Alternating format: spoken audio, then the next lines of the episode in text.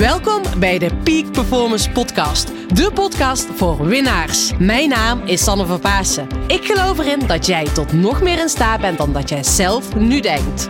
In deze podcast interview ik inspirerende gasten en geef ik tips om structureel topprestaties te leveren. Hiervoor heb je een hoge energie nodig, die je met toewijding doelgericht inzet. Niet als een eendagsvlieg, maar juist keer op keer. En dat vraagt durf en lef.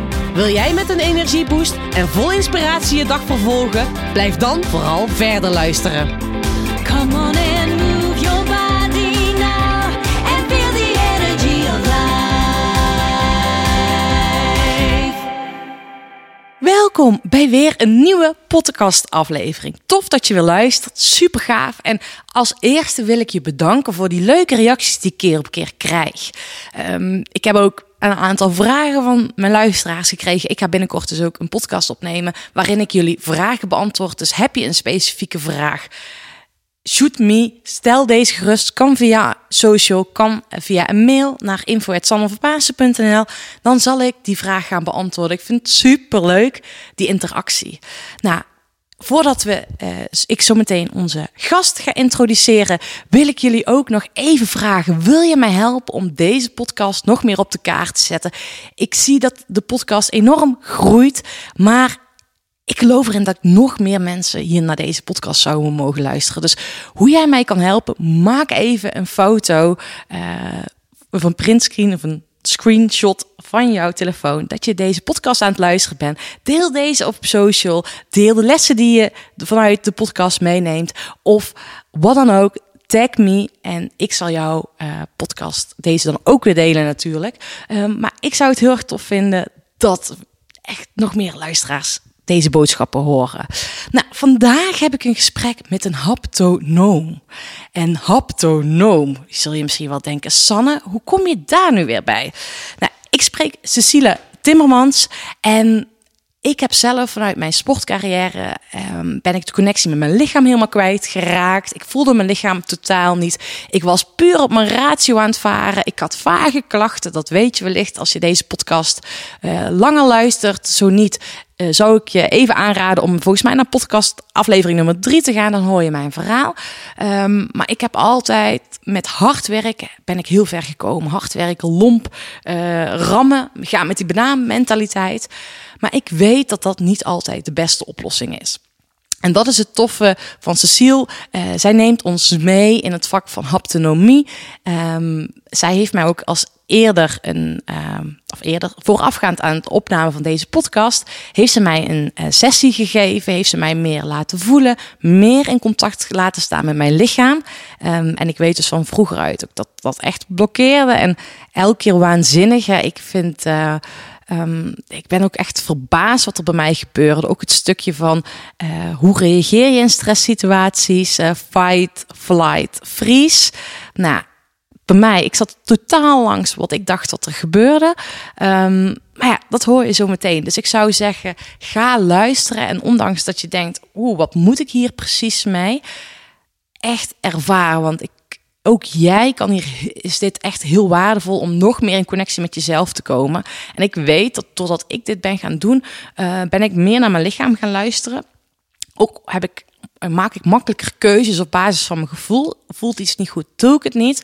Uh, ik durf gas terug te nemen. Ik ben meer uh, steady, meer sterk. Ik, ja, meer sterk. Ik ben gewoon sterker, krachtiger. Nou, veel luisterplezier. Ga ervan genieten. En laat me vooral ook weten wat jij van deze podcastaflevering hebt ervaren, gevonden, wat jouw inzichten zijn. Veel luisterplezier.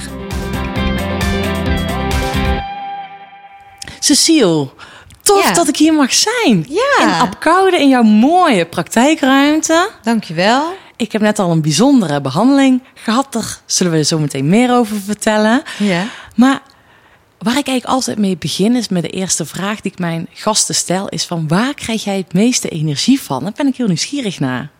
hey, dat is een mooie vraag. Um, nou, toevallig dat ik tot vanmorgen um, uh, ineens tot mij kwam dat ik heel veel energie krijg als ik uh, voor uh, kleine groepen sta. En um, wat ik steeds meer doe, ik weet natuurlijk ontzettend veel van het lijf. Uh, maar ik voel ook dat ik veel meer vaar op mijn intuïtie. Dus dat ik echt afstem. En eh, als ik dan met zo'n groep bezig ben, ja, dan klopt het altijd. De dynamieken kloppen. eh, wat eruit komt, hè, wat er bij mensen naar boven komt. En aan, zo'n, aan het einde van zo'n dag heb ik dus gewoon nog energie over. En dan weet ik, ik ben met iets bezig wat. ehm, ja, ik kan het ook niet helemaal duiden of het een hoger plan is. Maar in ieder geval, ik merk dat het dan heel erg moeiteloos is. Ja, zo Dus gaaf. dat vind ik heel leuk. En ik krijg ook ontzettend veel energie. Mijn vuurtje gaat branden. eh, op het moment dat ik ondernemers zie die veel te veel weggeven. Waarvan ik voel dat ze eh, te weinig bodem hebben. En dan voel ik ook echt zo'n vlammetje dat ik denk... nou, ik zou zo graag jou eh, toch echt wat meer je lijf laten voelen. Want, want ja, je bodem, je bekkenbodem, je buik, dat is je fundament. Ja. En daar, daar ga ik van aan. Daar Ja. zit heel veel vitale kracht. Dat zie, ik zie het gewoon aan je. Ja. En eh, ik heb natuurlijk tijdens mijn sportcarrière, eh, nou ja, laten we even zeggen, eh, vooral in mijn hoofd gezeten. Ja. Althans, dat is hoe ik nu terugkijk. En jij werkt als haptonoom. Laat mensen echt ervaren, eh, weer teruggaan naar hun gevoel. Of laat hun weer hun lichaam voelen als het ware. Ja, en echt ook meer die verbinding met zichzelf gaan voelen. Ja, En vooral voelen wanneer ze uit verbinding zijn. uitverbinding Ja. zijn. Ja. En daar ben ik zometeen wil ik daar eigenlijk alles over weten. Mhm. En ik denk dat het voor de luisteraars ook super interessant is. eh, hoe zij zelf er eventueel meer bewust van kunnen zijn. Maar als eerste ben ik gewoon heel erg nieuwsgierig. Oké, ik weet, jij bent oorspronkelijk, kom je ook eh, uit het zuiden. Ja. We zitten nu in Apkoude bij Amsterdam in de buurt. Ja. Eh, hoe- ja, waarom doe je wat je doet en hoe ben je hier uiteindelijk gekomen? Hoe ben ik hier gekomen? Oh ja, nou, dat is, ik ben 51, hè, dus dan gaan we 30 jaar terug in de tijd. Ehm, ja, hoe ben ik hier gekomen? Ik ben gaan studeren in Amsterdam. Mhm. En ik wilde in ieder geval iets met het lichaam doen. En ik eh, had eh, fysiotherapie in eerste instantie. Maar daar werd ik voor uitgeloot. En eh, toen werd het oefentherapie. En ik kon wel fysiotherapie gaan doen, maar dan in een andere stad. En ik wilde per se in Amsterdam. En toen eh, heb ik voor de oefentherapie gekozen. Dus toen ben ik eh, die opleiding gaan doen. En ja, daar ben ik eigenlijk steeds meer geïnteresseerd geraakt in het verhaal achter de klacht. Want ik kreeg natuurlijk best wel veel klachten ehm, die fysiek waren, maar van ik echt voelde van ja, dat is toch meer psychosomatisch. Hè. Dus, ehm, en daar werd ook heel vaak door klanten gezegd, of door, toen de tijd noemde ik dat nog patiënten, dat zou ik nu niet meer doen. Ehm, dat ze zoiets hadden van ja, jij, hè, ik bereik er eigenlijk meer dan bij mijn psycholoog. Ja. En toen ben ik NLP gaan doen Ah, ja. ehm, in het bedrijfsleven. Of ga ik nu te ver? Nee, maar Ja. ik was net even psycho. Psychosomatiek. Ja, Ja, dat is eigenlijk eh, dat, het, dat, er, dat het eigenlijk gaat somatiseren. Je krijgt dus klachten in het Ja. lichaam omdat er psychisch... iets Hè, dat jij niet lekker in je vel Ja. zit, dat er van alles speelt. ja. Ehm, maar dat uitzicht dan in het fysieke lichaam en niet in het emotionele lichaam. Ja. Dat is er wel, maar mensen willen dat wegduwen, Ja. eh, wegduwen. En, ehm, Maar dat vind ik wel mooi, want een vriendin van mij is fysiotherapeut. En ze zegt ook, ja, er komen gewoon heel vaak mensen naar mij die gewoon liefde missen. ja, ja, die dus veel tekort zijn gekomen vroeger. Hè? Ja, ja, En daardoor eh, doen wat ze doen. ja. En dat vind ik ook wel interessant, want ehm, ik heb ook, ook helemaal geen oordeel over mensen als ze hier komen. Nee. Ehm, eh, soms worden ze ook door eh, hulpverleners, hè, als mensen komen met klachten die maar niet overgaan, worden ze een beetje weggezet in de hoek van aansteller of Uh-huh. eh, hè, slachtoffer. En ja, ik heb te vaak hier al meegemaakt dat mensen op de bank erachter komen wat er echt, echt speelt onder de huid. Ja. Hè, onderhuid speelt. En vaak zijn dat dingen die ze vergeten zijn, die ze zo diep weggestopt hebben. Ja. Dus ehm, ja, ik, ik zie echt wel eh, de mens Ja. onder de klacht. En eh, ik vind het ook als jij als eh, fysiotherapeut of als psycholoog of als wie dan ook Ja. merkt van ja, ik kom niet verder. Ja. Dat je dus niet jouw eigen onvermogen zeg maar over de klant heen gooit, maar dat je iemand ook gewoon door kan sturen. En dat, kijk, bij mij, ik kom er soms ook niet helemaal uit en dan stuur Ja. ik ook iemand door. Oh, dat vind ik wel heel mooi. Wat je Ja. nu zegt, dat je hulp inschakelt naar de persoon kijkt. Hoe kunnen we Ja. die persoon het beste helpen? En ook al ligt het misschien niet in mijn vermogen, wie kan dan diegene zijn. Ja. Oh, dat is mooi. Ja, dus niet dat je gaat projecteren dat iemand een slachtoffer is Nee. of een aansteller. Maar Ja. ergens stopt het. eh, Is het een onvermogen? Ja, Kijk, en als ik kijk naar mijn ontwikkeling... eh, ik ben natuurlijk ook heel erg gegroeid in mijn vak en in mijn werk. En eh, wat ik nu doe, zou ik misschien tien jaar geleden ook lastiger gevonden ja, hebben. ja. Want je hebt dus NLP bij je vervolgens nog gaan doen na Ja. oefentherapie. Ja, ik was, ehm, ik was bedrijfsoefentherapeut en ik ging eh, trainingen geven op de werkvloer. En toen was er op een gegeven moment een hele ehm, afdeling die plat kwam te liggen door één persoon. En dat vond ik zo ontzettend interessant. Toen dacht ik, ja, wat, wat, ik kan eigenlijk communicatief daar niet zoveel mee. Ja. En toen ben ik NLP gaan doen. Ehm, eh, ik was ook iemand die graag dingen af wilde maken, terwijl ik eigenlijk voelde dat het niet bij me paste. En waarom zeg je ik was ook? Nee. Ja, Waarom zeg je dat? Oh ja, nou ja, goed. eh, Ik was iemand die dat dus ook. eh, Oké, ik, ik snap dat je het aan, mij koppelt. nee, sorry, sorry. Nee hoor, nee. Grapje. Maar dat je doorgaat, weet je wel. Ja. En dat je ergens voelt, dit is niet mijn weg. En eh, ik ben heel sensitief. Ik was Ja. altijd al een heel gevoelig kind. Ja. Ehm, en gevoelig, maar heel sensitief. Dus ik... ehm, hele sterke intuïtie. Ja. maar wel heel gevoelig en sensitief. Bij NLP ehm, werd ik eigenlijk nog meer. eh, eh, legde ik nog meer de focus op het onvermogen. Mhm. Dat ik mensen met een enorme mindset zag knallen. ja. En dat ik eigenlijk alleen nog maar meer in mijn hoofd ging zitten. Ja. En steeds meer het gevoel kreeg dat, ik- dat het niet goed was wat ik deed. Hè. Ja. Zij kunnen dat wel en ik niet. Hoe Ja. zit dat? En eh, toen ben ik uiteindelijk, ik heb ook nog yogaopleiding gedaan. Weet je, je wil niet weten wat ik allemaal gedaan heb, maar heel veel. Ik ben dus eigenlijk heel erg zoekende geweest. En eh, uiteindelijk doe je ook alles voor jezelf. En dat is natuurlijk een hele mooie leerschool. En toen ik bij de haptonomie en later bij de haptotherapie uitkwam, ehm, eh, toen, toen ging ik dus echt mezelf voelen. Ja. En toen veranderde alles. Weet Ja. je, dan eh, breng je dus dat hoofd ook wat dichter bij je lichaam. Ja.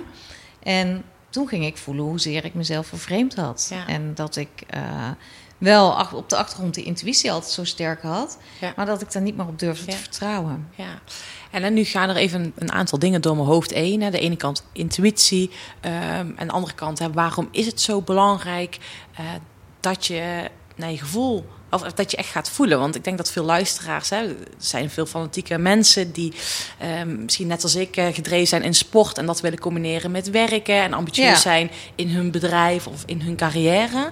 Maar waarom is het dan zo belangrijk Om te eh, voelen. om te voelen? Nou, sowieso omdat eh, als jij goed in je lichaam aanwezig bent en verbonden bent, dan heb je natuurlijk ook een sterke intu- intuïtie. Ja. Dat is natuurlijk iets van de laatste tijd wat steeds meer en meer, Ja. eh, ook door ondernemers, eh, van belang is. Hè, dat Mhm. ze toch voelen, dat is een andere tijd waar we in zitten, Ja. die ook iets anders van ons vraagt.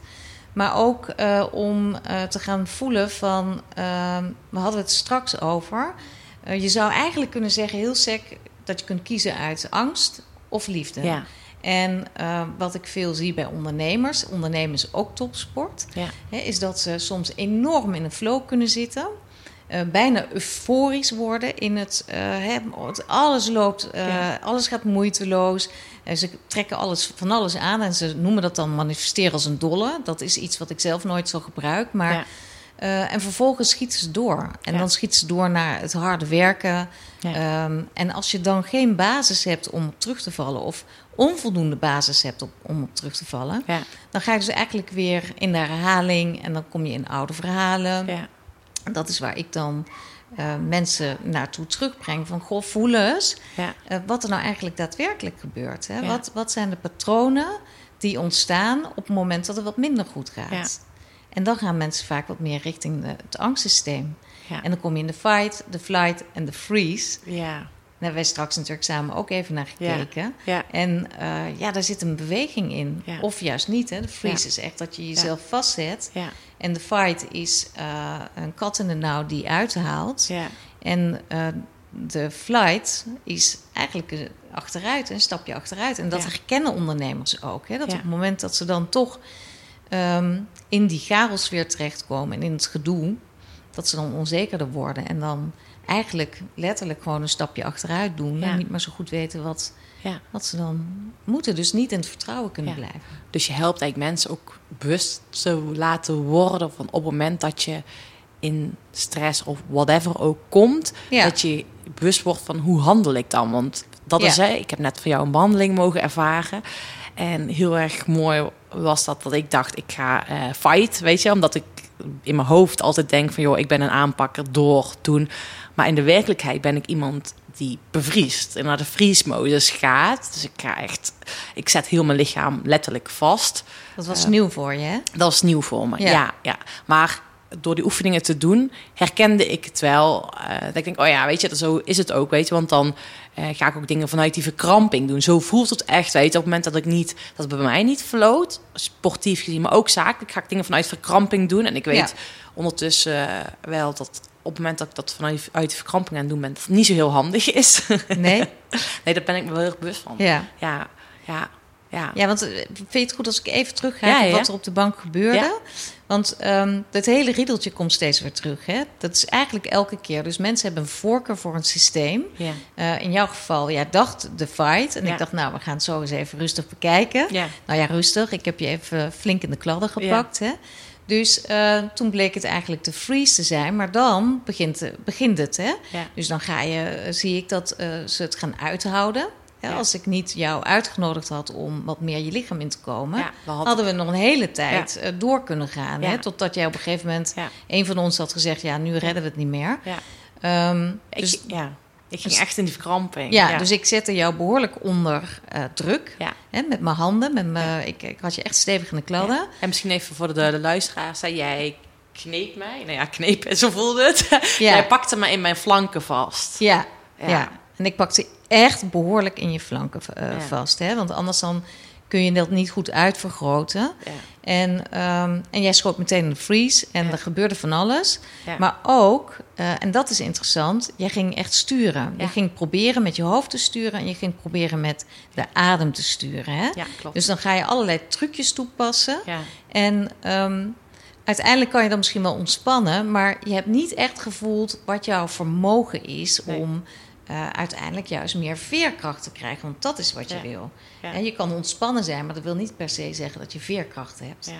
En wat ik gedaan heb, is ik ben jou dus eigenlijk blijven eh, uitnodigen om in mijn handen te komen, verbinding te maken met jezelf en met mij. Ja. En toen kon je eigenlijk voelen van, hé, hey, nou wordt het vitaler, toch? Ja. Je mag het zelf zeggen, Ja, maar- soepeler, ja. soepeler, veerkrachtiger. Weet je, en eh, jouw benen waren er ineens Ja. bij. Dus dan ben je wat Ja. meer één geheel. Ja. En dat is wat je natuurlijk als sporter ook wil. Want dan heb je het minste kans op, op blessures. Ja. Nou, ik denk hè, als sporter, maar ook in het, eh, In het zaken- ondernemen. Ja, om te ondernemen in je carrière, denk ik voor iedereen. Ehm, Dus tijd voor stilstaan eventjes, vertraging. ja. Want eh, je moest wel even in Ja. de vertraging. Ja, ja, ja, ik moest echt even gaan terugschakelen van oké en gaan voelen. En als ik jou net hoor, dan vraag ik me ook al af, hè, van, want waarom is het belangrijk hè, dat, want ik heb me schijnbaar ook aangeleerd dat je door middel van je adem te volgen kan ontspannen. Mhm. Eh, maar waarom is die veerkracht dan voor jou ook, volgens jou dan ook belangrijk? Ehm, nou, misschien dan moet ik het iets... eh, kijk, veerkracht is vitaliteit. Ja, ja. En eh, ontspannen is, ehm, ja, dat zijn meer je spieren die eh, hè, ontspannen en waardoor jij je ook wat lekkerder voelt. ja, Eh, maar veerkracht is iets wat je nodig hebt, ook als het eens een keer wat minder goed gaat. ja, Hè, dat je weet van, eh, ik kan nog een ander systeem kiezen. ja, En toen jij net onder druk kwam te staan, want we komen best vaak onder druk te staan. Het Ja. hoeft maar, hè, iemand hoeft je maar eh, op een bepaalde manier aan te kijken en Ja. gebeur, kan er al Ja, iets ja, gebeuren, hè, of over je grenzen heen gaan. Dat je op dat moment toch niet in staat bent om vanuit veerkracht, hè, dan, dan, dat hebben we ook nog even gedaan. Mis- Misschien leuk om straks nog even op terug te komen.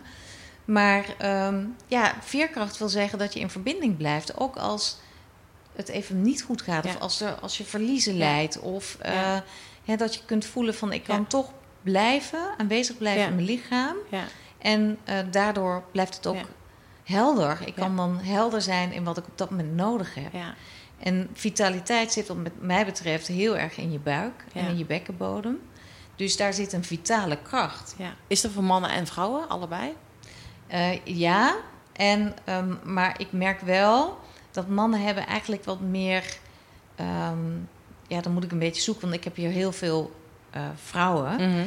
Eh, ik denk dat mannen wat meer het nodig hebben om hun borst te openen, om hun hart te openen. Ah, ja. Dus ehm, die hebben ook vaak iets minder met die buik. Ja. Hè? En ehm, soms maak ik wel eens een grapje en zeg je zou eigenlijk wat meer je ballen moeten voelen. En Ja. dan snappen ze meteen wat ik bedoel. Ja. En dan kunnen ze ook wat meer dat, dat erbij betrekken. Ja. Maar ik denk dat het bij mannen meer is om eh, zeg maar die borstkas wat te verzachten en te openen. En echt het hart, Ja. met het hart te werken. Ja. En voor vrouwen echt absoluut ehm, de buik, eh, baarmoeder. Als je echt naar binnen gaat voelen, Ja. ook de eierstokken, je geslachtsorganen.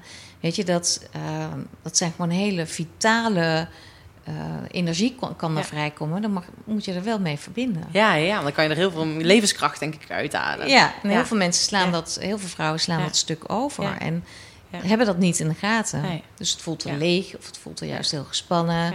Of, eh, en dan als ik echt met ze daarmee aan de slag ga, dan is er vaak ook wel een trauma of kindje wat doodgeboren. Nou, in ieder geval, de huizen natuurlijk ook je emoties en, en je gevoelens. Dus als jij iets niet wil voelen, ja, dan ga je natuurlijk niet in die buik eh, Nee. Zitten. in eerste instantie. Ja.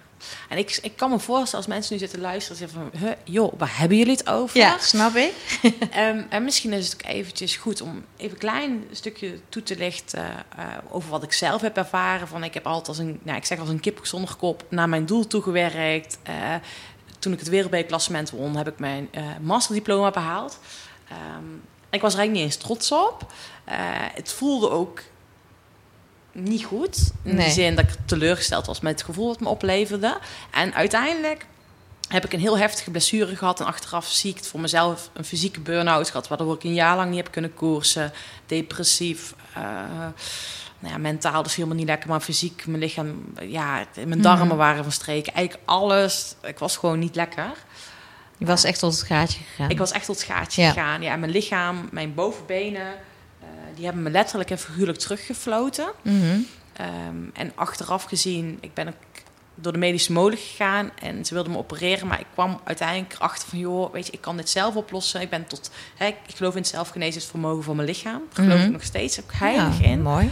Vooral op het moment dat je dus in contact kan staan. En dat is eigenlijk ook de reden waarom we hier zitten, omdat ik dat, dat, ik dat ook ja, de lui iedereen mee wil geven. Dat dat super belangrijk is dat je eh, meer mag gaan voelen. Ehm, maar bij mij zaten er schouderplaten Mhm. ter hoogte van mijn heupen. En dat is voor mij wel echt een les geweest, leer- geweest dat ik nog meer mag gaan voelen. En ondanks dat het denk ik altijd een uitdaging blijft. eh, maar ik denk dat dat voor iedereen denk ik wel is, hè, om elke keer weer Mhm. terug te gaan naar je gevoel. Mhm. Maar als ik zo... ik- dus dat is wat ik mee wil geven van jou. Als ik zo door was blijven gaan, dan had ik nooit eh, weer terug kunnen komen. En nu merk ik dat ik gewoon heel erg lekker in mijn vel zit. Ja. Ehm, hoe heb jij zelf ook zoiets ervaren? Dat je achteraf denkt, oké, ik had fysieke klachten of... eh, Ja, ik heb, ehm, eh, ik heb op een gegeven moment, eh, toen had ik nog mijn praktijk in Enkhuizen. En ehm, ik merkte gewoon, kijk, ik ben dus ook, ook, ja, noem het hoogsensitief. Ja.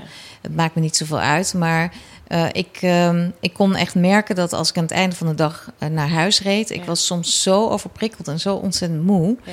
Dat ik soms kon, kon, kon ik echt wel janken. Ja. Eh, en ik wist niet zo goed eh, hoe dat in elkaar zat. En eh, ik wist wel van, ik vind het moeilijk om grenzen aan te geven. Ja. Ehm, en ik heb, wel, ik heb echt gemerkt dat toen ik ging voelen, voelen is bewegen. Hè? Ja. Dat ik ook veel, zeker in de haptotherapie, je gaat echt vijf jaar de diepte in Ja. dan kom je vanzelf natuurlijk heel veel tegen. wat ik weggeduwd had in al die jaren. En ehm, wat, wat ik vooral ging ervaren was dat ik wel degelijk grenzen had. En dat ik die ook echt neer moest gaan zetten. Ja. En eh, daarvoor kon ik wel grenzen aangeven uit boosheid of uit. eh, eh, ja, ze waren niet helder, ze waren niet duidelijk genoeg. Ja. Of ik hield me heel lang in. Ja. En die ken jij ook, hè? Dat je te lang wacht en dan op een gegeven moment echt uit je naadje schiet. Ja. Ehm, maar wat misschien het allerbelangrijkste is, is dat ik ben gaan voelen hoeveel ik van anderen, ehm, hè, hoeveel ik van anderen voelde en dat van mij maakte, Ja, omdat ik oh niet ja. beter wist. Ja. Dus echt nu, als ik nu voel wat ik van mensen voel die hier op, eh, in de praktijk komen, denk ik, mijn god, Ja. dat heb ik vroeger ook allemaal gevoeld en ik wist het niet. Dus ik, ik geen wonder dat ik zo moe was. Dus ik heb geleerd om mij veel beter, juist doordat ik in verbinding ben, juist doordat ik meer in mijn lichaam ben, kan ik veel makkelijker ehm, prikkels van me af laten glijden.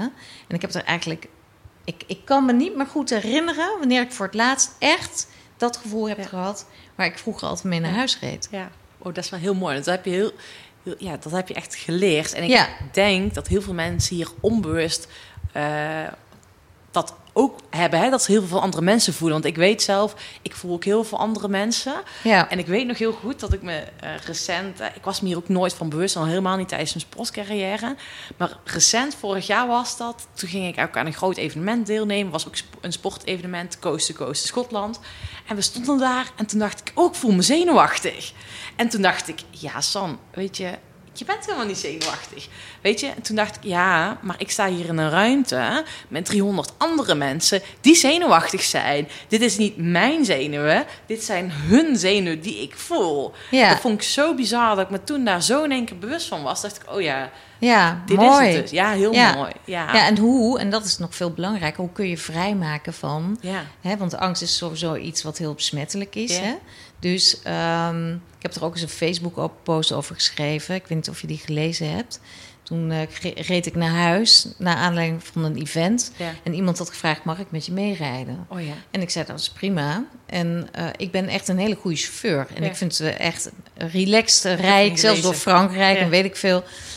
En het regende en we reden een file in. En ik kreeg toch op een gegeven moment, ik werd heel licht in mijn hoofd. En ik kreeg druk op mijn borst en mijn hart ging kloppen. En ik dacht, jee, wat heb ik hè? Ja. Het overviel mij heel erg. Ja.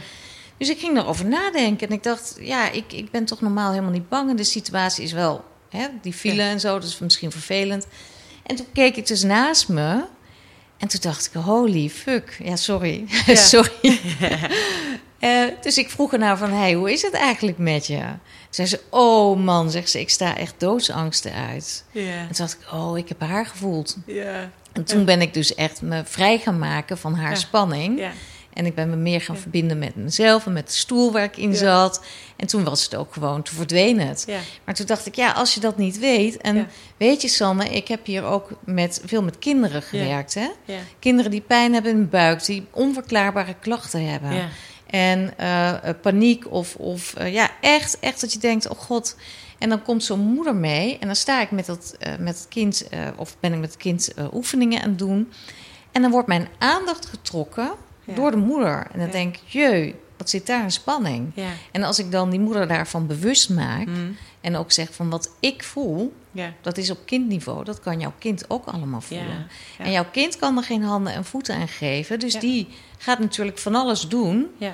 om voor jou te zorgen. En dat was in dit geval met het meisje ook zo. Die Ja. eh, was continu haar moeder in de gaten te houden. Gaat het wel goed? Ja. En toen bleek dus dat eh, moeder echt trauma's had meegemaakt. Dus kind van de bank, moeder op de bank. En eh, wij zijn samen verder gegaan. En ja, eigenlijk is dat... Ik werk nu minder met kinderen, maar dat is wel altijd daarna mijn aanpak geweest. Van, Ja. ja, die moeders die, ehm, Ja. die mogen ook. Die mogen ook gaan voelen van, hé, wat Ja. gebeurt er nou precies? Ja. En het is zo belangrijk om je kind vrij te maken. Ja. Zodat het gewoon lekker kan spelen. Niet bezig hoeft te zijn met jou. Ja, maar kan het dan ook zo zijn, hè? want dat is dan. eh, kinderen zijn dan heel erg spiegels. Maar natuurlijk zien we dat ook in het ondernemerschap, wanneer het in één Ja. keer niet meer floot. of wanneer het in onze carrière niet meer floot.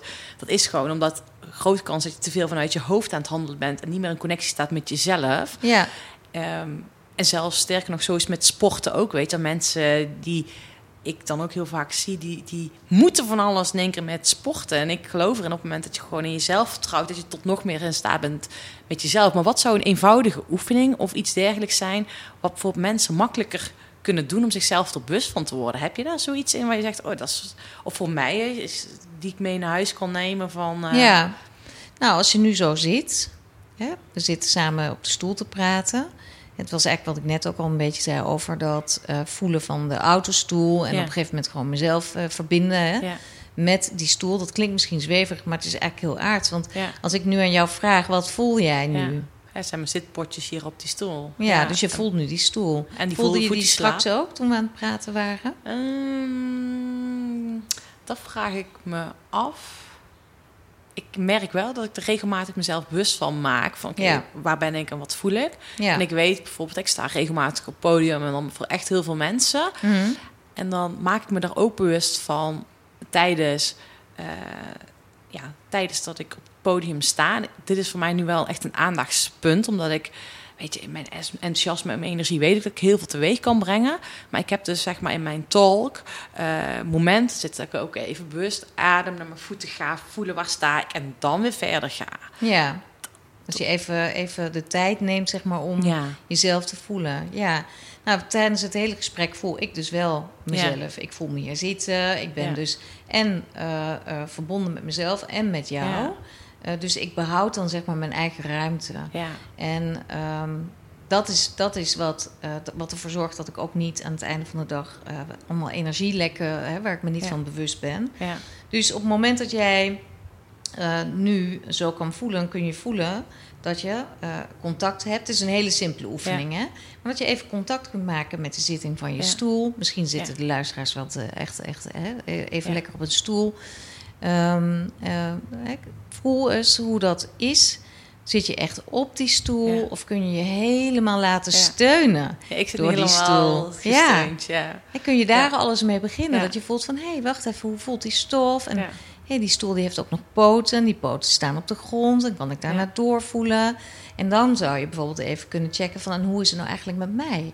Weet je, hoe druk ben ik in mijn hoofd? Eh, Kan ik mijn adem voelen? Zit die hoog of laag? Ja. En we zeiden straks ook al, je adem... eh, als je die gaat sturen, Ja. dan... ehm, weet je, je adem gaat daar waar de ruimte is. Ja. Dus als je heel erg bezig bent vanuit je hoofd van alles te doen... Ja. En we hadden het er al over dat je hoofd. Dan wil je vooral, daar zit je vooral heel veel te denken. Dan wil je Ja. analyseren. Dan wil je controle mee uitoefenen.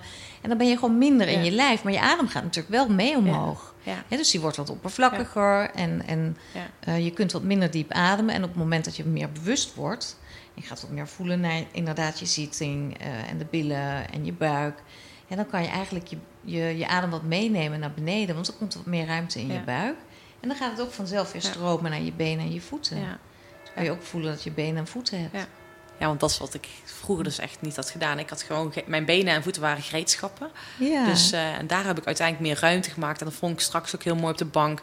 Door gewoon bewuste aanrakingen en daar met je aandacht heen te gaan. Dat het mij ook heel veel heeft opgeleverd van joh, hoe voelen mijn benen? ja. Ehm, Ja, ik liet je het verschil voelen. Hè? Ik deed eerst het ene been.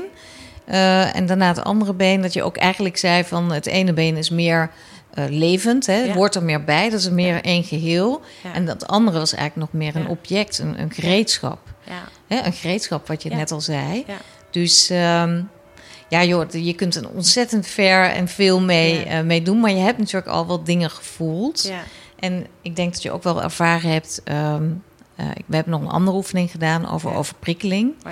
En dat jij ook zei van ja, eigenlijk kan ik ook soms nog wel eh, overprikkeld zijn. Dan weet ik gewoon, ik heb net even wat te veel gedaan. Ja. En dan is het wel belangrijk dat je gaat herkennen wat die signalen van je lichaam zijn. ja, want ik moest je echt je lijf inbrengen om je te laten voelen. En je benen dan. En je adem, waar zit die? ja, ja. En dat je zoiets had, oh verdomd, het zit toch wat, wat hoger. Of ik, ik stop met ademen. Dat Ja. eigenlijk ook een beetje die freeze, hè? Ja. Ja. Ja, dat weet ik van mezelf heel erg. Ik stop met ademen. Ehm, en dat overprikkelen, weet je, ik merk gewoon... Het ligt eraan welke rol ik heb. Graag met heel veel mensen ben. Hm? Dan ben ik het liefst in de lead. Ja.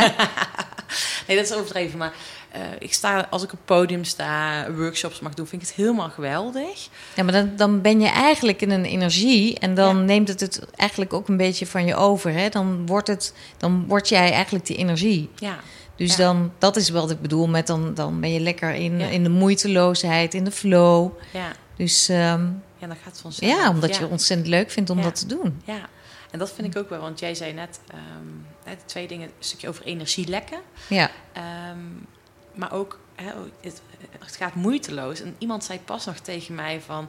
Sanne, eh, waar, waar ben je goed in? Mhm. Ik zei, ging ik een aantal dingen opnoemen. En zei die, geeft het je ook energie?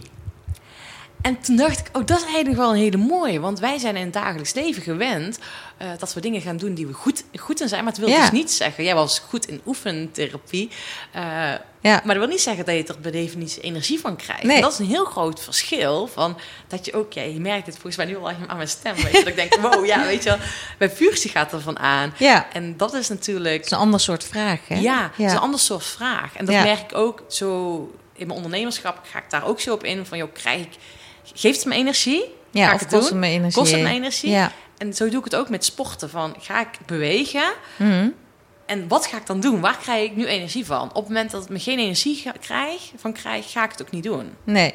nee, dat is goed. Dan luister je dus ook gewoon naar je gevoel. Ja, Ja, ja, ja. ja dat, dat herken ik wel. Ik, eh, ik ben op, in heel veel dingen wel goed. Maar eh, ja, ook met, met kinderhaptotherapie. Ik vind kinderen enig. Maar ik Ja. merkte toch op een gegeven moment dat daar minder energie op zat. Ja. En dat ik eh, eh, ontzettend blij word als ik echt met vrouwen kan werken.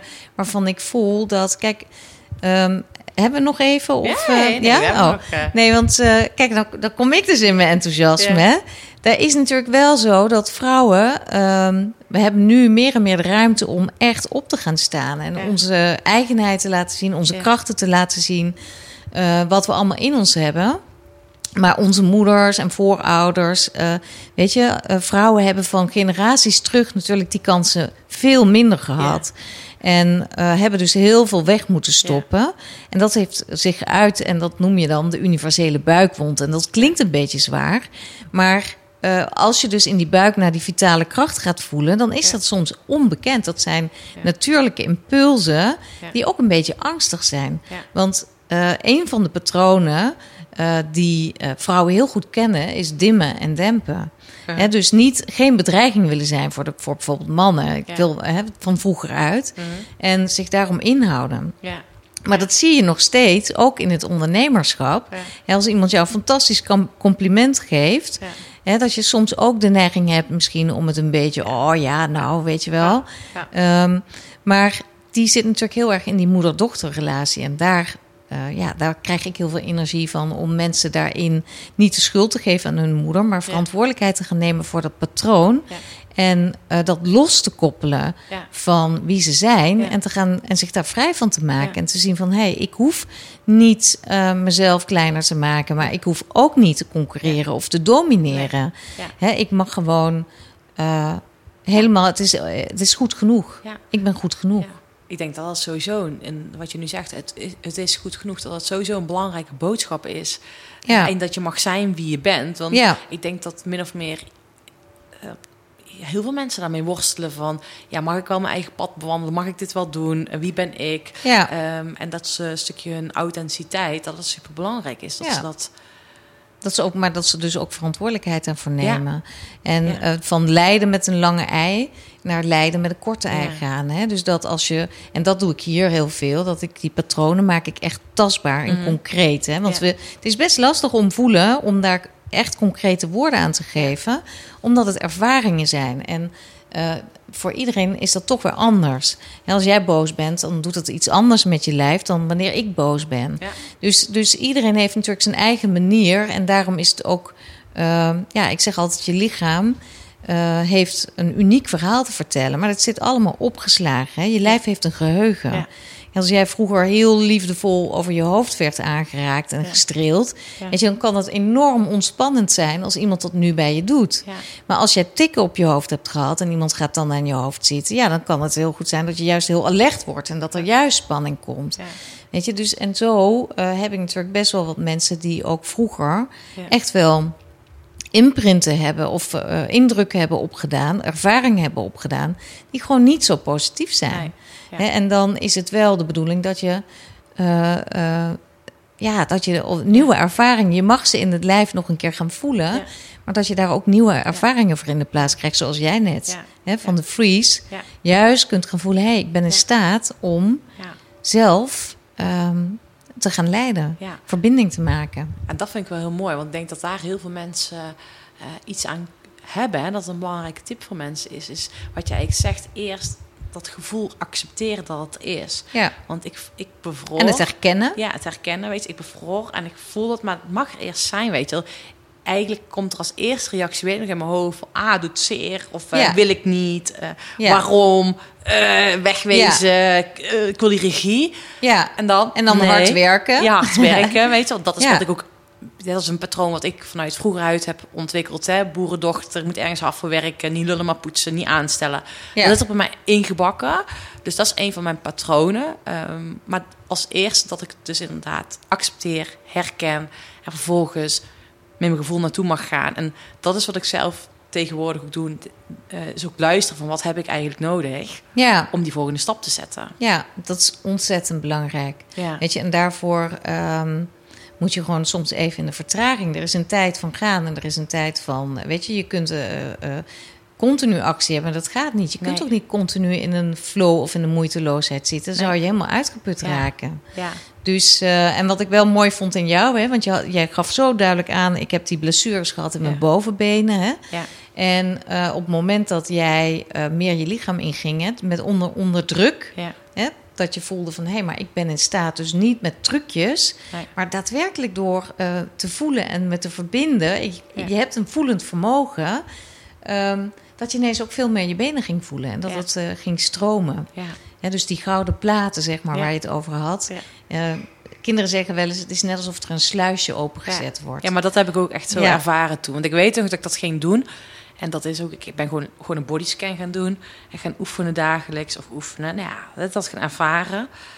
En ik merkte gewoon dat het op een gegeven moment gewoon ging stromen, weet je. En dat ik het ook, het, het- nou, het vuurtje of dat weer, voor, al voor als ik de fiets opging, dat ik ehm, ja, dat zeg maar ging visualiseren. Dat mijn benen stroomden, dat ik met mijn gevoel er naartoe ging. ja, En ik vond het pas ook wel heel tof, want eh, ik begeleid dan ondernemers en enkele topsporters. En ehm, een sporter die eh, had haar pols gebroken. En ehm, zij ging ook haar eigen, zeg maar, haarzelf genezen. Of hoe, ja, hoe kan ik dit zeggen? Nou, zonder dat mensen helemaal eh, in de stress schieten van... Hè, Hoe doet ze dat? Hoe doet ze dat? Maar Ja. gewoon met haar aandacht ging ze naar haar pols toe. En zij zette het in het licht. Of zij maakte daar voor haarzelf iets van wat daar voor haar toepasselijk was. Maar ze ging met haar aandacht in ieder geval naar die pijn toe. En accepteerde die pijn en, stuurde haar energie ernaartoe. ja. En dat is wat ik nooit heb gedaan tijdens mijn sportcarrière. In ieder geval tijdens mijn revalidatie wel. Maar van tevoren ben ik dat nooit gaan doen. En nu, als ik nu ergens iets voel in mijn lichaam, ga ik daar met mijn aandacht naartoe. En stuur ik daar mijn energie naartoe. Ja, en dat is dan weer een andere. Kijk, ik vind energiewerk prachtig. Ja. Ehm, maar ik ben zelf... Of ja, maar. Dat is net alsof ik het niet prachtig... Ik vind het prachtig. Kijk, voelen is bewegen. En als jij gaat bewegen, dan komt er energie vrij. En op het moment dat jij dingen vastzet... Dan eh, zet je natuurlijk ook eh, je energie vast. Dan stagneert het. Hè? Maar om eh, tastbaar te maken, dat vind Ja. ik belangrijk. Hè? Dat je het wel degelijk concreet kunt Ja. maken. Want anders is het ook van, ja, energie, wat is dat dan? Hè? Wat is energie? Ja, En dat vind ik eh, eh, mooi aan met het lichaam werken. Dat je mensen ook echt laat voelen. Kijk, een van de... ehm, wat vrouwen heel veel hebben, wat ik mannen minder zie... is dat eh, eh, vrouwen de neiging hebben te vervloeien Ja. met de ander. ja. Dus samen te smelten met de ander. En dan eigenlijk gewoon helemaal niet meer te voelen... waar Ja. zij eindigen en de ander begint. Dus dan kan je ook je eigen wensen en behoeften Nee. niet meer voelen. Nee, ja. Weet je, en dan kom je thuis en denk je: shit, ik heb eh, of ja gezegd tegen een training, of ja gezegd tegen een samenwerking, of ik zit in een relatie waar ik eigenlijk van voel dat die niet langer meer goed is. Kun je, hoe lang kun je dat volhouden? Vervloeien gaat echt heel snel. Ja, Dus dan word je eigenlijk min of meer de ander. ja. Dan, Dat is bijzonder, hè? Ja. ja, en dat zie, ik, dat zie ik veel gebeuren. En uiteindelijk gaat het natuurlijk dat je de mannelijke en de vrouwelijke Ja. energie in jezelf, Ja. Hè, dat je die meer in verbinding gaat brengen. En eh, de vrouwelijke energie, dat is de zachte energie, dat is de ontvangende energie. Als je die echt in je buik eh, toe gaat laten. En, en ook gaat voelen dat eh, de rechterkant juist meer het eh, in verbinding je werk neer gaan zetten. Hè, dat wat je graag wil doen, waar je Ja. blij van wordt, wat je Ja. net al zei, waar je energie van Ja. krijgt. Dat je dat de wereld in kan gaan zetten. En eh daartussenin, dat is je, je, je bekkenbodem, het, het dragende gedeelte. Die er eigenlijk voor zorgt dat je jezelf kunt dragen. Hè? Dat je veerkracht behoudt. En dat links en rechts in balans is. En dat vind ik wel interessant, hè? want ik heb mijn blessure aan beide benen, maar links is altijd beduidend meer als rechts. Links staat dus voor de vrouwelijke kant. Dus als ik het dan goed interpreteer, is mijn interpretatie is dat ik af en toe meer met mijn vrouwelijke energie toe mag gaan. Dus dat ik vaak in mijn mannelijke energie zit van... Daarom dat ik straks denk ik ook zei van ik zit in die fight, weet je wel. Ga Ja. met die banaan, laten we even doen. Dat ik Ja. veel meer, ook nog meer... Ondanks dat ik daar al goed mee bezig ben. dat- Daar heb ik denk ik al die stap in gemaakt. Maar dat, ik, dat er voor mij een aandachtspunt blijft... op het moment dat ik links voel, dat ik meer mag gaan voelen... en liefdevol mag zijn. Ja, en, en ehm, wat, wat ik wel mooi vond, want we hebben, we hebben natuurlijk best wel wat dingen gedaan. Hè? Ja. Dus, eh, Ja. ehm, en we hebben ook heel veel niet gedaan. Maar eh, dat kan ook niet. We hebben in Nee. korte tijd even wat dingen aangestipt. En ik liet jou staan op je benen. En ehm, ja, jij zei, ik, ik ben wel iemand die, die echt naar voren wil. Ja. En toen bleek je eigenlijk heel erg te steunen op je hakken. Dus Ja. dat was wel belangrijk, hè? Want als je als sporter wil starten, dan ga je juist wat meer die voorvoet Ja. in, hè? En eh, er was ook een duidelijk verschil tussen links en rechts. Jouw linkervoet was wat roder en je Ja. rechtervoet wat, was wat bleker. Dus ehm, het is dan heel interessant om te gaan kijken... waar steun jij nou eigenlijk meer op, Ja. hè? En daar hebben we even niet naar gekeken. We hebben wat andere dingen gedaan. Maar wil je daar nog een voorbeeld over horen? Ik ben nieuwsgierig. Heb je nog tijd daarvoor? Ja? Ja. Eh, ik heb bijvoorbeeld een, eh, een, ehm, een hele succesvolle ondernemer eh, in, had ik in een traject. En zij kon heel goed manifesteren, ze kon heel goed in de flow zijn. Ehm, en toen zij de eerste keer kwam, zei ik ook van... goh, laten we eens kijken hoe je dat... want ze zegt, wat ik niet goed kan, is grenzen aangeven. En ik merk, zegt ze, dat ik soms klanten heb die echt... ik heb fantastische klanten ertussen... maar Ja. ik heb ook klanten die klampen, die over mijn grenzen heen gaan... En dan is het heel interessant om terug te gaan in de tijd. Hè? Waar komt het vandaan? Zij heeft geen fijne jeugd gehad. Ik ga Ja. er niet heel diep op in, maar eh, veel agressie. Dus eh, zij moest natuurlijk altijd heel alert zijn en proberen de, de boel te dimmen en te dempen. Dus wat zij gen- eh, ge- zichzelf aangeleerd heeft, is, en dat kon je zien in de houding toen ze stond. Zij dacht dat ze in het midden stond, maar ze stond veel meer op de linkerbeen. Ja. Ja. En, ehm, en toen zei ik, goh, als je daar nu eens naar gaat voelen, wat, wat, wat brengt je dat dan? Hè? Ze had haar hoofd wat afgekeerd. Ja. Ehm, ja, zegt ze, ik vind dit wel lekker. Dit, eh, dit staat wel comfortabel. Dus ik liet er wat meer op dat linkerbeen staan. Zei, ja, dat voelt, dat voelt zacht. En eh, ze, ik denk eigenlijk dat ik dit eigenlijk wel het meeste doe. Ook met mijn klanten, zei ze. Dan, dan kies ik voor deze kant. Ja. Toen liet ik er wat meer op de rechterbeen steunen. En toen zei ze, woe, dit vind ik spannend. Ja. Dit geeft me een heel spannend gevoel. En eigenlijk gaat het een beetje naar irritatie. Ja. En ehm, ik zei, als je nu grenzen zou willen aangeven, welk been zou je dan wat beter in kunnen gaan zetten? Nou, wat is dat, denk je? Ja, ik denk rechts. Ja. Ja. Ze zegt dat rechterbeen, dat is echt wel, ehm, dat vind ik spannend, zei ze, want dat, is, dat Ja. zou conflicten op kunnen roepen. En dat is iets wat ze natuurlijk vroeger heel veel meegemaakt heeft, Ja. wat ze liever niet wil. Ehm, toen heb ik er weer op links laten staan. Toen zei ze, oh, zegt ze, nu voel ik me heel goed. Ja. Nu voel ik eigenlijk dat ik hier vermijd.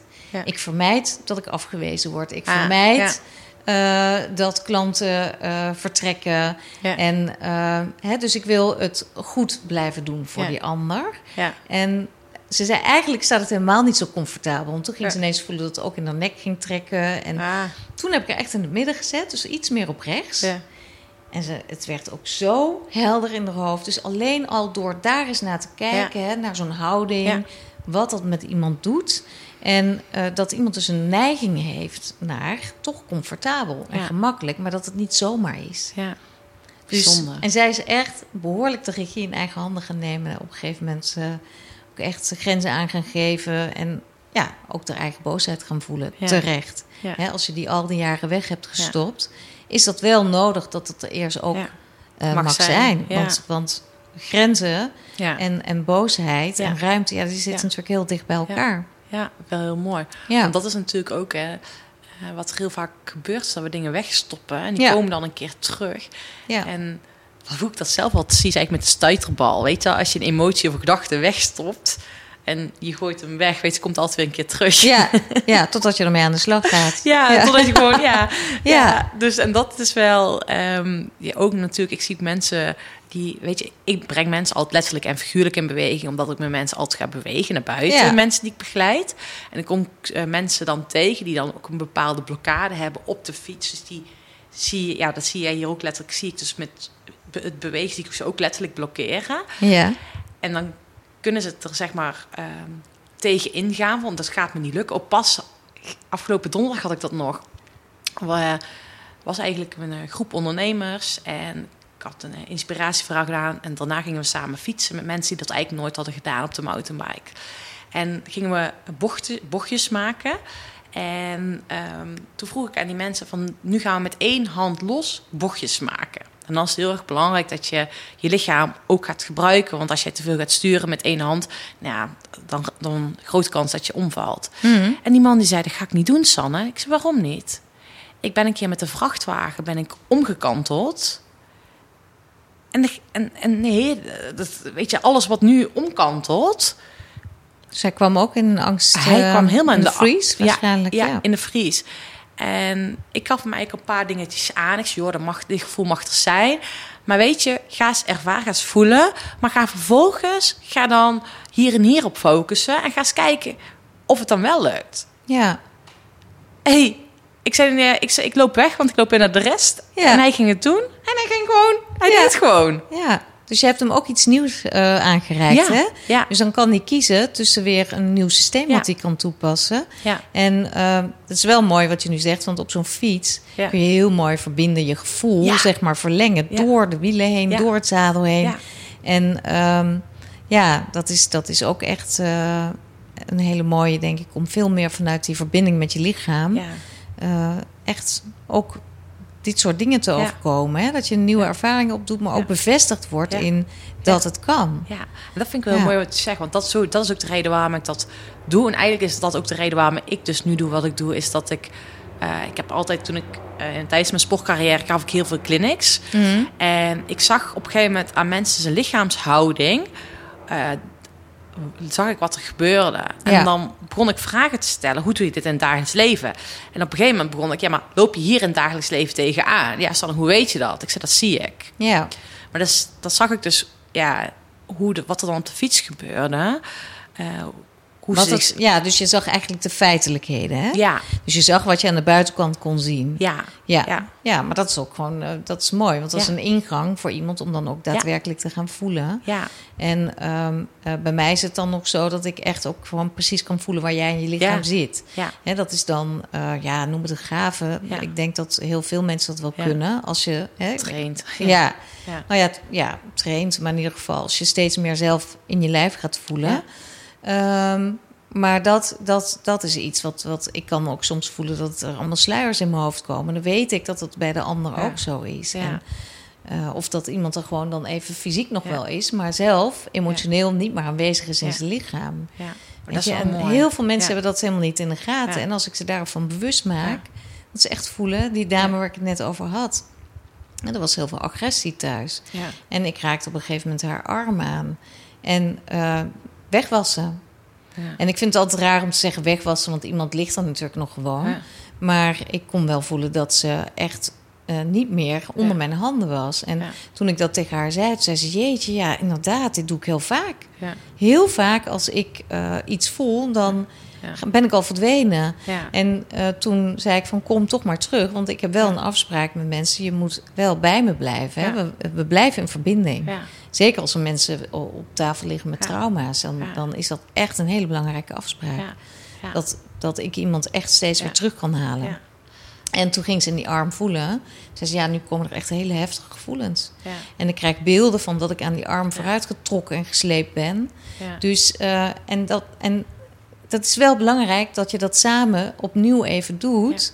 Hè, dat ze het niet in haar eentje hoeft Ja. weg te duwen, of, maar dat we het samen nog een Ja. keer op kunnen pakken. En dat ze kan voelen: oké, maar ik ben nu eh, volwassen. En ik voel dat ik niet meer weg hoef te gaan. Ik hoef er niet meer voor weg te gaan. Ik kan in mijn, lijf blijven. Ja. En dan Ja. Ehm, ja, komt ook weer. Ja, ik kan het even nu niet het woord voor vinden. Maar dat was wel heel mooi. Dat is heel mooi, want dan worden mensen bevestigd in net het stukje wat jij ook zei, die man hè, met, die, met die vrachtwagen. Ja. Die dan eigenlijk voelt van hé, hey, maar dat is oud. Ja. En, ehm, hè, we kunnen het lichaam trainen. Ja. Ja, Om, dat is, eh, ja. En dat vind ik heel mooi. Want als jij dit nu aan het vertellen bent, dan denk ik ook meteen... Weet je, ik weet dat heel veel mensen... ehm, net als ik vroeger... eh, willen zaken knallen. Ik wilde studeren. En die willen Mhm. sportief ook nog fit zijn. Of hè, die hebben af en toe het gevoel van... ik moet nog gaan sporten of zo. En dan gaan ze vanuit die dwangmatigheid sporten... zonder dat ze gevoeld hebben of ze überhaupt wel zin hebben... of Mhm. überhaupt wel energie genoeg hebben... Of, en dat het heel erg belangrijk is dat ze eerst even gaan voelen... Ja. En ook als ze aan het bewegen zijn, dat ze blijven voelen van, weet je, eh, kan, ik, kan ik nog meer? Of kan ik nog harder? Of juist niet? Of waar heb ik behoefte aan? Dat het ook heel belangrijk is om bij hunzelf te blijven. Lijkt me wel, ja, want anders krijg je blessures Ja, ja, natuurlijk. ja. ja, dat heb ik. maar ik denk dat veel mensen zichzelf er niet bewust van zijn. Nee, nee. En- en- dus dan, dan eh, zijn ze wel fysiek eh, heel erg bezig, hè, maar wel meer vanuit hun gedrevenheid. Ja, eh, vanuit, kijk, sporters eh, willen de beste zijn. ja. Anders ga je geen topsport beoefenen. Nee. Dus dan, dan eh, is er sprake van concurrentie, Ja. van eh, eh, eh, ook natuurlijk het tegenovergestelde, het van het beste willen zijn, is faalangst. Ja, dus dan kom je weer meer in, die, in die systemen waar we het net over hadden. Wat, waar kies je voor? En wat ik vaak zie, is eh, hè, als ik al mensen heb die eh, eh, in de topsport zitten, ja. ehm, dat ze enorme frustratie gaan Ja. opbouwen. Hè, dus ze komen in een soort van machteloosheid terecht. En ja, dan is het wel heel interessant om te gaan kijken van... goh, waar komt dit nou vandaan? En jij gaf al aan, dat ik, ben, ik kom uit een boerengezin. ja. Nou, weet je, ik kom zelf ook uit die contraien. Eh, mijn moeder komt van een boerengezin. En ja, niet lullen, maar Hm. poetsen is natuurlijk wel iets wat heel veel hè, ziek zijn. Nee, daar is geen tijd voor. Nee. Er moet gewoon hard gewerkt Ja. worden. Dus het is vooral, je lichaam wordt vooral heel functioneel Ja. ingezet. Ja. En dat is natuurlijk wat jij ook zo ervaren hebt. eh. Ja. Ja, en ik zie het nu, want dat vind ik heel mooi. Want dat verhaal heb ik mezelf aangeleerd. Dat ik nu een nieuw verhaal heb gemaakt van mezelf. Mijn lichaam is functioneel als ik naar mezelf luister. Dus voel wat, wat ik nodig heb. ja. En ehm, nou ja, dat is dan nu ook wel meteen een mooi voorbeeld. Twee weken terug heb ik een mountainbike marathon gereden. En daar heb ik ook een andere podcast over opgenomen. Het ging echt waanzinnig goed. Dat ik echt dacht, wat de... Rij ik nog steeds zo hard? ja. Maar heb ik vier dagen achter elkaar gedaan. En uiteindelijk ook daar op het podium gestaan. En nou ja, ondanks dat ik niet meer train, maar dat ik naar mijn gevoel luister. Wat heb ik nu nodig? Wat kan ik nu? Maar ja, ik zei het straks al toen ik hier bi- binnenliep. Van, dat is eigenlijk wel bijzonder. Want afgelopen weekend heb ik wel voor mijn gevoel over mijn streep heen gegaan. Dan komt toch dat stemmetje weer naar boven van... Oh, laten we toch maar even gaan. Dus dat blijf ik toch, weet je wel... Ja. Dat blijft een uitdaging. Ja, maar een patroon is niet voor niks een patroon. Nee. Hè? Dus het is iets wat zich herhaalt. Ja. En eh, wat interessant voor jou is nu, is dat je gevoeld hebt wat je Ja. Van, oh, eh, weet je, het is de freeze. Ja. En eh, nu is het elke keer aan jou. Ga ik, als ik in die freeze kom... of als ik in die Ja. eh, hard werken modus kom... Ja. ga ik dan ook daadwerkelijk verantwoordelijkheid nemen en leiding nemen. Ja. Ja. Hè, dat betekent dan misschien dat ik even een wedstrijd moet overslaan... Maar dat ik het wel ten goede komt van mezelf. Of ga ik toch weer in dat oude verhaal zitten? Het is natuurlijk wel een keuze. Hè, van, dan, moet je, dan moet je ook Ja. de consequenties daarvan nemen. Ja. En er akkoord mee gaan dat je dan gewoon een week eh, even chagrijnig Ja. bent... of, Minder of, energie of hebt. Ja. minder energie hebt. Ja. Ja. Ja. Dus het is elke keer een keuze. Ja, keuze. Je hebt dus de keuze om te leiden met een korte ei of met een lange ei. Exact. ja, en, ja, precies. En soms heb je die keuze niet. Er zijn mensen die eh, sommige dingen nog niet ervaren hebben in hun lichaam, die eh, echt met emotionele verwaarlozing hebben te maken. Daar wil ik ook echt de luisteraars eh, op attenderen. Ja. Zet niet mensen zomaar weg in de hoek van aansteller of eh, eh, slachtoffer. Nee. Als, som, als soms hebben mensen gewoon niet geleerd hoe ze dat moeten doen. Oh, ja. En dan, dan, weet je, dan kan mindset best wel wat doen, ja. maar het is echt niet voldoende. Nee. Je mag echt in je lijf gaan voelen wat je nodig hebt. Weet je En, wat ze tegen mij nou zeiden vroeger, toen ik geblesseerd was? Eh, het doet nog steeds pijn. Misschien zit het wel tussen je oren. Ja, Weet je wel, dat, dat is ik mijn zie ook dat trant het je raakt inderdaad. Ja, Het is meer een trant van ja, aansteller. eh, ja, weet dat je, is het precies. Ja, dus je wordt had- niet serieus genomen. nee. Dus dan ga je jezelf Ja. ook niet serieus Nee. nemen. En dat, dat heeft me al zo'n pijn gedaan. En ik heb toen echt wel een inzicht gekregen van... Als je doet wat je altijd deed, krijg je wat je altijd kreeg. Mhm. Ehm, en dat heeft mij toen wel met mijn, weet je wel, om op durf te vertrouwen op mijn gevoel. Dat was dus in mijn omgeving is dat eh not Mhm. done als het ware. Eh, maar ben ik wel gaan doen. Nou ja, wat de boer niet kent, dat vreet hij niet. nee, hè? Dus, ja, eh, letterlijk. ja, maar dat is wel zo. Ja, Ja. ja. ik heb dus dat is raar en dat Ja. is, ja. Ja, maar dat is wel interessant voor de luisteraars dat ze bij zichzelf eens nagaan van joh, eh, ja, hoe kan ik dit nu toepassen? Want het is wel, ja, Ja. het is echt, ik gun het iedereen. Het is eigenlijk een cadeautje. Ja, zeker. Om echt eh, meer contact met jezelf Ja. te krijgen. Weet je, iedereen wil zichzelf Ja. zijn. Ja, Hè, maar wat is dat dan precies? En eh, hè, op het moment dat jij... of authenticiteit is natuurlijk ook iets wat heel veel genoemd wordt. Hè? hoe dan? Ja, hoe dan? Weet je, ehm, het, maar, maar soms dan, dan moet je weer eventjes door. Ik heb hier mensen die eh, gewoon opnieuw even met mij door de puberteit moeten. Ja. Omdat daar dingen zijn gebeurd waardoor ze dat overgeslagen hebben. eh, Ja. die eh, letterlijk hier eh, soms hun, hun, uit hun... Ik, ik heb iemand gehad die echt... Ja, nee, nee, ik kan dat dus niet vertellen. Hè, want dan, kom ik te, dan wordt het te specifiek. Ja. En dat is lastiger van mijn werk en dat wil ik ook niet. Maar eh, laat ik het erop houden dat als eh, dat het wel eens gebeurt dat iemand hier dan gewoon uit zijn kleren Ja. eh, stapt Ja. en die ook gewoon echt op de grond laat liggen Ja. als een puber, omdat daar dus soms dingen zijn gebeurd waardoor het gestopt is met voelen. Ja. Ja. En dan mag iemand daar eerst naartoe terug. En hoe jonger de belevingen zijn geweest, hoe jonger je eigenlijk het, het, ehm, de emotionele ontwikkeling op moet pakken. Ja. Dus dingen die ze niet hebben. Het begrenzen, het, Ja. het eh, geen grenzen kennen Ja. of eh, zich juist isoleren. Ja. Ja, dat gebeurt ook als je grenzeloos bent, heb je ook niet echt contact. Nee. Maar dat is zo belangrijk, hè? dat je gewoon eh, niet langer meer iemand anders op een podium hoeft te zetten, Ja. of je hem hoeft, moet aanpassen of moet gaan Ja. handhaven. Ja. Dat je echt, echt eerst die reis naar binnen mag gaan maken. En Ja. Dat is mooi, hè? Dat je Ja. eerst gewoon bij jezelf te raden mag gaan en dan weer verder mag gaan. ja, En Cecile, daar heb ik nog een vraag, hè? want we hebben het net over energielekken gehad. ja. Wanneer voel jij dat je energie lekt? Ehm, ja, dat is een hele mooie vraag. Eh, waarom is dat een mooie vraag? Omdat je natuurlijk altijd met mensen te maken Mhm. krijgt. En eh, ik merk dat ehm, eh, als mensen heel erg in hun hoofd zitten en ik en een, een, een beroep op mij doen door dingen ervaren te hebben en dan vervolgens weer de hoe dan vraag te gaan stellen. Hoe dan, Cecile? Hoe dan, Cecile? Weet je, dan moet ik echt heel erg goed bij mezelf blijven om niet het alsnog voor de ander weer te willen oplossen en Ja. te gaan fixen. Ja. Dus eh, een van mijn patronen is dat ik juist omdat ik zo gevoelig was vroeger, Mhm.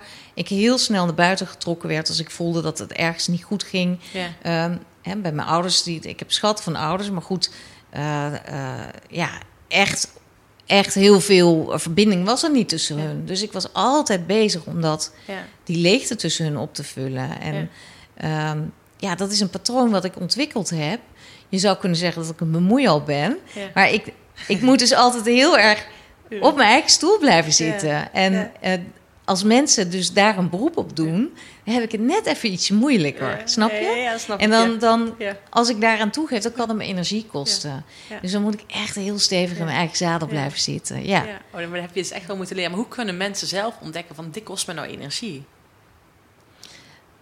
Nou, ik denk gewoon door ook echt, eh, gewoon, ik denk dat je het er zo gewoon bij moet houden. Welke mensen kosten je energie en welke geven je Ja. energie? Kijk, het geldt ook voor als je coacht, hè, als je Ja. traint, Ja. is het super belangrijk dat je je eigen systemen Ja. kent. Want Ja. eh, sommige ehm, mensen komen niet in beweging. Ja. En dan ga je trekken aan een dood paard. En wat doet dat dan met jou? Weet je, het is wat ik net ook zei over de hulpverlening. Op het moment dat jij een ander niet in beweging kan zetten, Ja. ja, dan is dat ook een stukje onvermogen van jezelf. Hè? Dus dan is het ook interessant om naar openingen te gaan zoeken. Hoe kan ik iemand dan wel Ja. in beweging krijgen? Iemand die heel erg veel voelt, Ja. is minder makkelijk in beweging te krijgen dan iemand met een mindset. En die, hè, Ja. zoals jij, dan hoef je maar één keer iets te zeggen en die gaat al. Ja. Het is wel heel mooi om daar naar te gaan kijken. Wat doet iemand met jou? En ehm, ja, ik heb er natuurlijk ook wel voorkeuren Ja. in. Ja. En ik zei al tegen jou, eh, eh, ik heb wel eens iemand gehad die, eh, die kon echt nachten niet slapen als die met tennissen verloren had van iemand die minder goed was dan hij. Ja, Ja. dat snap ik niet. Dat kan ik dus dan denk oh ja, oké, nou, Ja. wat, wat, wat zonde van je tijd. Maar een topsporter zou het misschien wel Ja. snappen. Ja. Terwijl ik denk, nou, geen Ja. idee. Ja. Ja, Ja, ik zat vanochtend toevallig nog te denken. Denk je, weet je, ik, ik denk een goede topsporter, maar ik denk voor ons allemaal in zo'n situatie als dat. Ik denk dat op het moment dat je wilt groeien en dan, ik, ik zie het als een tegenslag, Mhm. Dat de kunst is dat je daar niet te lang mee zit, maar dat je jezelf afvraagt: wat kan ik de volgende keer beter doen? Of wat kan ik hiervan leren? Ja. Want anders gaat het ten koste van jezelf. En ehm, als je nachtenlang niet goed slaapt, word je er ook niet beter van. Nee, nou dat was natuurlijk ook het riedeltje wat Ja. we hadden. En eh, eh, kijk, deze persoon eh, had een, vader die militair was. Dus Ja, die was echt geleerd en gedrild. En Ja. Hij kwam met zijn, met zijn kind, dus we, we keken echt wel samen van... Ja. goh, wat, wat heeft jouw kind nu nodig? Ja. Ja, dat is vaak niet het oude systeem, hè, Nee. dat wat jij geleerd hebt. Maar Ja. hè, hij mag ook gewoon Ja. fouten maken en Ja. onderuit gaan. En Ja. eh, laat je kind alsjeblieft vallen en hem ook zelf leren Ja. opstaan. Want dat Ja. is, dat is waar het over gaat. Maar jij, maar jij doet dan ook echt heel veel sy- systemisch werken, neem je ook mee. Ja. Zeg maar van, oké, hoe ben je opgegroeid? Of welke Kan niet heb- anders. Nee, nee ja, want, want je lichaam nogmaals heeft een geheugen. Hè? Ja. Dus ehm, ja. Lichaam heeft een geheugen, dat is een mooie. ja. En heb je nog een laatste tip dat je mee wilt geven aan de luisteraars? Of wat is belangrijk waar ze nu mee aan de slag mogen gaan? Mm, ja, dat is natuurlijk een beetje afhankelijk van... eh, luisteren veel mensen naar jouw podcast... die inderdaad ook met sporten, denk ik... eh, Er zijn veel gedreven mensen die fit willen zijn en die ook wel ambitieus zijn. Ja, precies. Ja. Ja. ja. nou ja, ik denk dat het, dat het mooi is om toch regelmatig even stil te staan bij jezelf. Van, Ja. goh, eh, eh, zit ik nog, ehm, eh, ben ik nog... ben ik nog echt bezig met dat wat ik graag wil? Ben ik daarin verbonden met mijn lichaam? Of is het meer een prestige Kwestie. kwestie? Ja. Dus wat heb ik nou echt een tip? Ja, ik vind die wel. Ik zou makkelijker een tip hebben voor mensen die echt sensitief zijn. En, Ja. eh, ik werk natuurlijk iets minder met sporters. Ja, ik denk wel dat het mooi is om eens te gaan kijken van wat er gebeurt er nou in mijn systeem, in mijn lichaam, op het moment dat ik onder druk kom te Ja. staan. Hè? Ja. Of op het moment dat ik wil gaan presteren en het lukt niet. Ja. Ehm, om eens wat meer in het hier en nu eh, te gaan voelen. Eh, eh, eh, wat gebeurt er in je lijf? ja, dat is heel mooi. Ja, en dan niet door de, te gaan analyseren en waarom voel ik dit nu en wat betekent dat, hè, dat ik dat daar voel. Maar dat je echt zonder te analyseren in het hier en nu kunt zeggen, dit is wat ik voel. Ja, eerst een stukje bewustwording. Ja, Ja, ja, zonder er iets van te maken, zonder Ja. oordeel. ja. Gewoon in het hier en nu. En dan gaan mensen op een gegeven moment voelen dat ze wat meer in hun lijf komen. En dan kan het best wel zijn dat je ook voelt hoe moe je eigenlijk bent. Ja. Of eh, dat dat misschien is Ja. waar je even aandacht aan mag Ja. besteden. ja, heel mooi. Dat je gewoon even stilstaat, even gaat voelen. Ja, En ik merk, ik doe dat zelf ook dagelijks. ja. Eh, en dan is het nog natuurlijk belangrijk dat je de regie pakt, de keus maakt om daar ook iets mee te doen en daarna te luisteren. Ja, en Maar als het betekent dat morgen ook nog eh, een rustdag is... Ja. eh, eh, en je misschien lekker even een wandeling in het bos gaan maken... ja, ik zou zeggen doen. Ja. Want dat is wel misschien... Dat vind ik wel een leuke. Je hebt zo'n metafoor over twee houthakkers... die een, een wedstrijd doen. En ze, zijn- ze zijn in, in, in het bos, maar ze kunnen elkaar niet zien... maar ze kunnen elkaar wel horen... Hè, en de ene die is flink eh, aan het slaan met die bel. En het gaat erom wie het meeste hout hakt in een uur tijd of twee uur tijd. En, ehm, en bij de ander hoor je af en toe niks. Hè? Die stopt af en toe. Dus wie heeft, denk je, de meeste, het meeste hout eh, gekapt? Ja, nee, ik, Gehakt. Weet, ik weet uit ervaring die af en toe stopt. Ja. Ja, Dus degene die dan hoorde dat die andere even gestopt was... die Ja. gewoon even een pauze aan het nemen was om te herstellen... en, weer zijn spieren, hè, doorbloeding op gang te brengen... en daardoor weer kracht te krijgen... die kon natuurlijk veel diepere slagen maken. Dus die was ook sneller door het hout heen. Misschien is dat wel een mooie me- metafoor om mee af te sluiten. Ik vind dat heel mooi. Want ik zelf zie ik me altijd van... Weet je, we zijn allemaal bezig om een berg te beklimmen. En Ja. jij misschien een ander berg als ik. Maar we hebben allemaal voor ons eigen... Zijn we een berg bezig of een doel of een, iets waar we naartoe in het werken zijn. Ja. En als we dan op die bergtop staan... Want dat is wat ik dus ook letterlijk ervaarde toen, toen ik won... Dan zie je weer de volgende berg. Want dan krijg je in één keer een schitterend uitzicht. Dan denk je, dat wil ik ook, dat wil ik ook, dat wil ik ook. Die fout die ik heb gemaakt is meteen doorrennen naar die volgende bergtop. Maar in werkelijkheid, dan heb je een hele vette afdaling waar je van kan genieten. Mag je eten, mag je gewoon plezier maken. Ja. Die afdaling naar beneden, Precies. zo weer op, zodat je opgeladen bent voordat je weer naar boven mag. Ja. En dat is een hele mooie. Ja. Ja, en ik zou bijna zeggen, kijk eens naar de Mount Everest, wat daar nu gebeurt. Ja, Weet ja. je, dat mensen ook gewoon niet ehm, eh, ook eigenlijk die top willen bereiken, maar daar ondertussen gewoon al te lang moeten wachten in zo'n rij en dan Ja. eigenlijk eh, niet meer in staat zijn om die Nee. top maar toch doen. Nou, er zijn er zeven of acht doden gevallen. Hè? Ja. Maar goed, die metafoor van net die was beter met die houthakker. Hè? Dus eh, Ja. nou, Mooi, dankjewel. Alsjeblieft. En waar kunnen ze jou vinden? Ehm, nou, mijn website is eh www.ceciletimmermans.nl. En ik zit op Instagram en op Facebook. En ja, mijn website is wel in de maak. Dus eh, je ziet een foto van mij. Ja. En dat is even wat het is. In juni zal die wel klaar zijn. En waarvoor kunnen mensen bij jou terecht? Nou ja, ook eh, voor eh, ik op één op één trajecten doe Ja. ik. Maar ik geef ook programma's. Ja. Ik train ondernemers om ja, toch ook echt steeds maar weer door die cirkel heen te gaan. Hè? Vooral op het moment dat het even wat minder gaat. Zodat ze meer en meer bevestigd worden in ehm, ja, het vertrouwen. Ja. Ook als het betekent dat er even niks gebeurt. ja, mooi. Ja, Ja, dat- die rustperiode hoort er ook bij natuurlijk. Dus heel mooi. Mijn wekkertje gaat af. precies binnen de tijd. Precies binnen de tijd. Ik wil je hartstikke bedanken. Ja. Dankjewel voor dit mooie gesprek. Nou, jij ook heel erg bedankt. Ik Merci. ben heel benieuwd. Ja, Ja. Ik, gaat iets moois horen. Is al mooi. Toppie, man. Dankjewel voor het luisteren naar deze podcast-interview. Echt super gaaf en ik ben echt enorm dankbaar dat je tot het einde hebt geluisterd. Ik zou jou één ding willen vragen. Op het moment dat je nu luistert, maak even een screenshot van je telefoon en deel het op social media. Want het zou zo tof zijn dat nog meer mensen deze podcast ontdekken. Ik vind het al waanzinnig hoeveel leuke reacties ik krijg. Maar ik geloof dat ik met deze podcast een nog grotere impact zou kunnen maken. En ik zou het, ja, jouw hulp hier heel erg bij kunnen gebruiken. Dus doe dat gewoon eventjes voor mij. Thanks alvast. En als dank daarvoor en sowieso ga eventjes naar mijn website en daar heb ik een heel tof e-book klaarstaan. Een werkboek die je gratis kan downloaden, zodat jij vol energie jouw doelen gaat realiseren. En ik geloof erin, jij bent tot nog meer in staat dan dat je zelf misschien nu al denkt. En ik help je er graag bij om hiermee in actie te komen. Zodat je echt in beweging komt, je mindfuck tackelt en dat je overzicht krijgt hoe je dat vol energie kan doen. Op mijn website kan je deze makkelijk vinden. Maak die screenshot van deze podcast. Deel deze even. Tag me even. Sanne Verpaassen. En dankjewel voor het luisteren. En tot volgende week. Doei doei!